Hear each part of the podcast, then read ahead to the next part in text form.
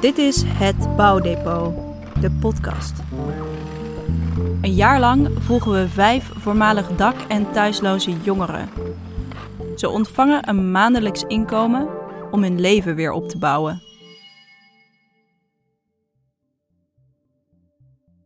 Welkom terug bij Het Bouwdepot, de podcast. Mijn naam is Hanna van Lutterveld en ik vertel je iedere maand over het Bouwdepot-traject.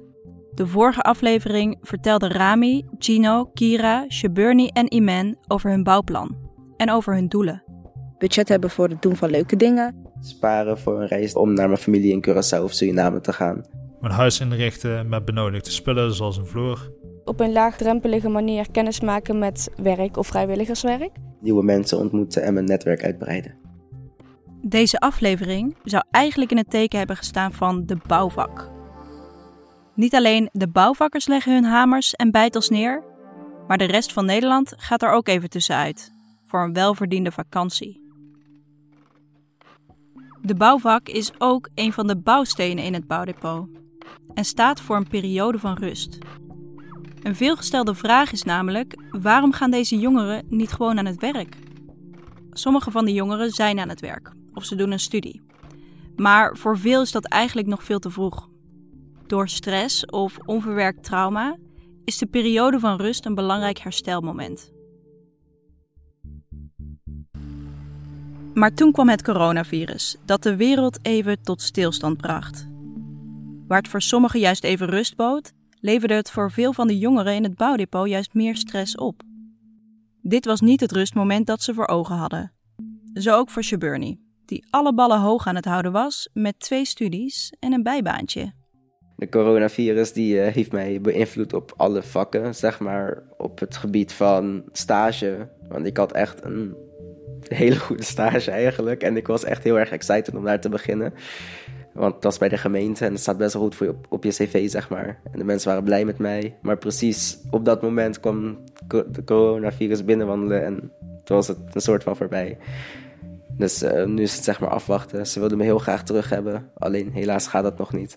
Ook op andere vlakken, zoals op mijn werk. Want ik werk eh, deels in de horeca, zeg maar. Maar gelukkig valt de horeca in een tankstation. Dus het kon min of meer niet echt dicht gaan. Anders eh, was ik mijn baan ook kwijt. Shaburni kon de afgelopen maanden weinig uren maken, terwijl hij zijn salaris graag had gebruikt om extra financiële ruimte te creëren. Dus ik had gewoon een stabiel inkomen waar ik echt gewoon iets mee kon opbouwen. En nu is het meer van, dit is gewoon mijn leefgeld geworden. Een soort van, het lijkt alsof ik in een uitkering zit en daar heb ik totaal geen zin in. Want dat, ja, dat maakt mij gewoon niet happy. En ik moet alweer letten op, zeg maar, de laatste beetjes die ik heb. En dat wil ik gewoon graag weggewerkt hebben. En dat is mijn voornamelijke stress eigenlijk nu, op dit moment. Gino, die een opleiding doet om webdeveloper te worden, heeft sinds kort zijn eigen woonplek. En had eigenlijk net een goed dagritme gevonden dat door de quarantainetijd direct weer door de war werd gegooid. Ik doe nog steeds wel mijn opdrachten, maar het gaat wel langzamer. En dat is gewoon omdat ik dus die werkomgeving mis. Ik mis om met mijn zeg maar, collega's te praten. Ik mis zeg maar, om in de, zeg maar, de werkomgeving die zeg maar, pressure te hebben van oh je moet werken.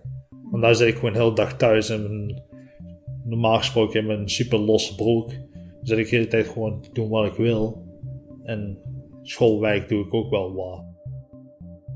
Samen met zijn begeleider proberen ze oplossingen te vinden om toch een nieuw ritme op te bouwen. Hoe kan zijn thuisquarantaine er toch uitzien als een gewone werkdag? Dit beschrijft hij voor ons.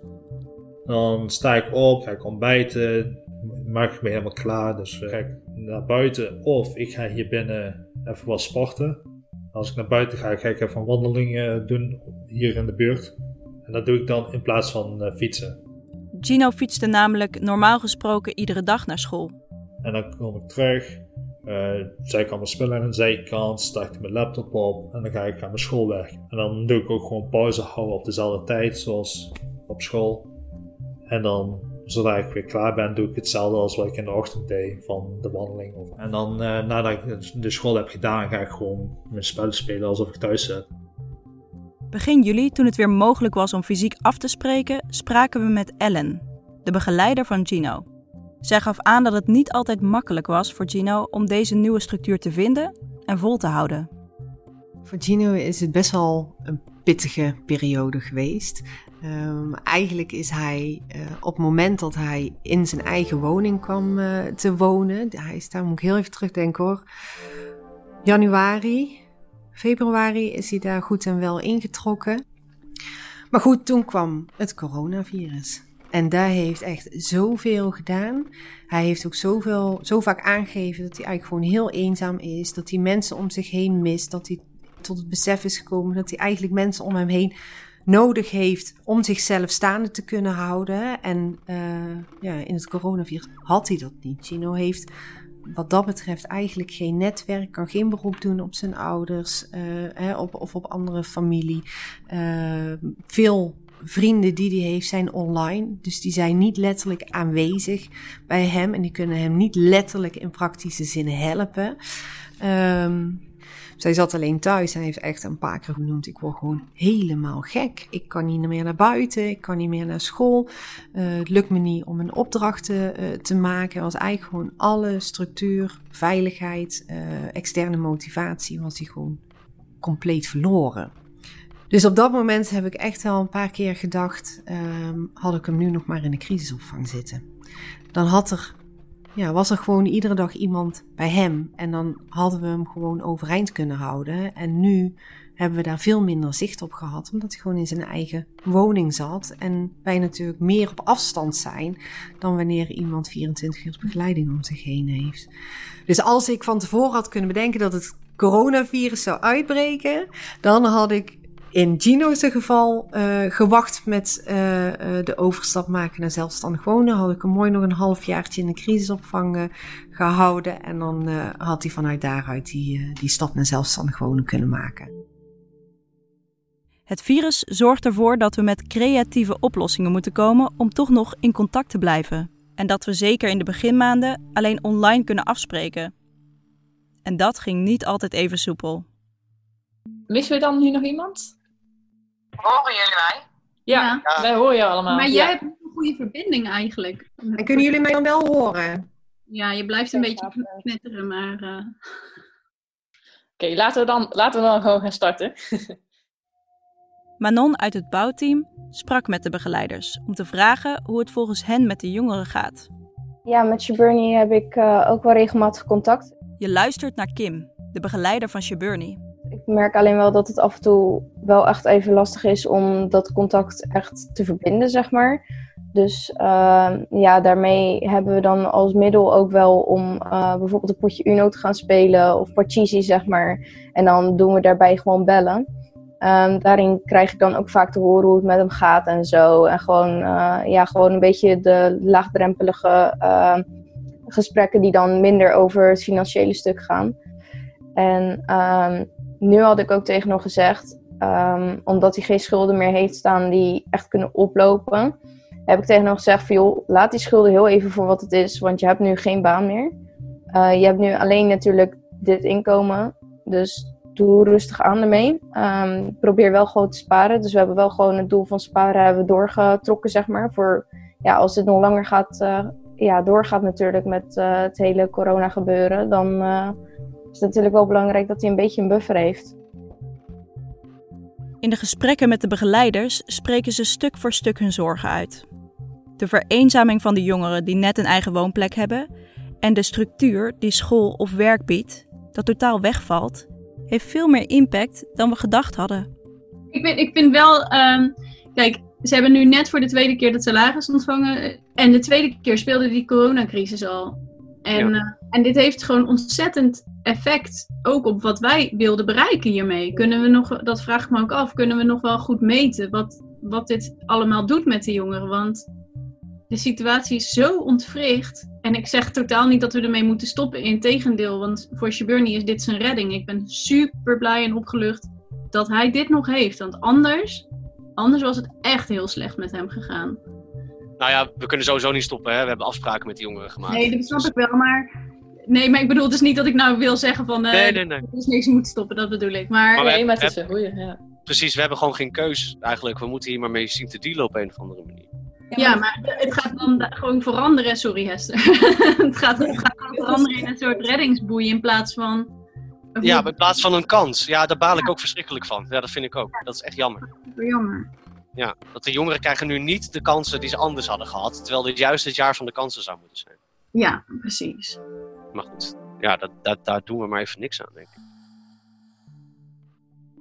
Het coronavirus zal hoe dan ook effect hebben op dit traject en zorgt voor veel vertragingen. Maar gelukkig versoepelen de maatregelen en kunnen de jongeren langzaam weer verder gaan bouwen aan hun toekomst. Het bouwbudget, het maandelijkse inkomen wat de jongeren ontvangen, heeft er in ieder geval voor gezorgd dat ze deze maanden financieel gezien zijn doorgekomen. Ik sprak met Igor van Laren. Hij is sociaal geneeskundige en oprichter van de Nederlandse Straatdoktersgroep, een organisatie die medische zorg biedt aan dak- en thuislozen. Ik sprak hem telefonisch en vroeg hem hoe hij kijkt naar de ervaringen van de jongeren en het effect dat de coronatijd heeft op hun doelen. En dan komt er corona en die, die, die, die belet dan uh, de drang om, om juist die stappen te gaan maken. Om, uh, om, om je opleiding tot uh, webdeveloper of, of je stage bij je gemeente te kunnen doen. Zeg maar. Hm. En ja, dan hebben ze gelukkig begeleiders die, die, die zich bekommeren om hen en, en contact zoeken en weten dat dat heel moeilijk is. En dat het, het vermijden van moeilijke dingen, van lastige dingen, uh, dat dat bij, bij hen hoort. En dat, uh, het is goed om dat te accepteren, want ik hoorde iemand zeggen van we moeten eigenlijk stoppen. Nee, dat moet je juist niet doen. je moet vasthouden, nooit loslaten. Want uh, dit gedrag hoort bij deze jongeren, hè? dat ze verstoppertje spelen. Dat hebben ze met hun eigen hart heel veel jaren gedaan. En het is de kunst nu om dat hart wat open te gaan zetten en open te stellen. En het is fijn als je dan mensen om je heen hebt die je leert vertrouwen. Corona zette een vergrootglas op gezinnen in moeilijkheden. Igor ziet grote problemen voor de toekomst door gezinnen die uiteenvallen in zware tijden zoals deze. Nou, wat ik ontzettend belangrijk vind, is dat we erkennen dat er een, een, een grote groep jongeren is die morgen dakloos raken, omdat thuis niet veilig is. Omdat de ouders onvoldoende mogelijkheden hebben om een liefdevolle en een veilige omgeving te creëren. Maar wij zijn als samenleving samen verantwoordelijk om ook voor hen, of juist voor hen, die dromen te helpen naar boven te, te, krijgen. En, en, en, ze daarin te steunen. Om, uh, om dat, en om te zorgen dat we straks niet een pandemie van zwerfjongeren gaan krijgen. Het virus zorgt naast een hoop narigheid ook voor een positieve draai. Doordat de slaapzalen in veel gemeentes werden gesloten omdat mensen te dicht op elkaar zaten, kregen sommige dakloze mensen een tijdelijke eigen plek, bijvoorbeeld in een hotel. Wij zagen gewoon als straatdokters in alle grote steden, zagen we dat er rust bij ze kwam. Die bloeddruk was normaal. Er was voor het eerst een normaal gesprek mogelijk. Het werden, het werden mensen, weet je wel? Uh, uh, uh, het werden mensen. En zo ook gezien. En ze voelden zich ook onrustiger. Je kunt, ik hoef me niet druk te maken waar ik vanavond slaap. Ik hoef niet voldoen aan allerlei belachelijke regels die opgesteld zijn. Ik hoef niet te loten aan de poort van de opvang. Om dan vervolgens weggestuurd te worden en dan maar weer zien. Dat rust en ruimte belangrijk is, werd in deze aflevering denk ik wel duidelijk. Het is niet alleen goed voor je brein, maar ook voor je lichaam. En hopelijk komt die periode van rust, de bouwvak, voor de jongeren snel. Neem jij de komende weken ook even rust? We vroegen nog aan Kira, een van de jongeren, wat vakantie eigenlijk voor haar betekent. Nou, dat moet ik ook nog onderzoeken, want ik ben eigenlijk nooit echt op vakantie geweest. Ja, vroeger, toen ik uh, een jaar of acht of negen was. Dus voor mij is dat echt, uh, ja, wat is vakantie? dat weet ik niet. Volgende maand hebben we een speciale zomereditie. En na de zomer gaan we het hebben over schulden en het bouwbudget. Maar voor nu, hamers en bijtels neer en een hele fijne zomer.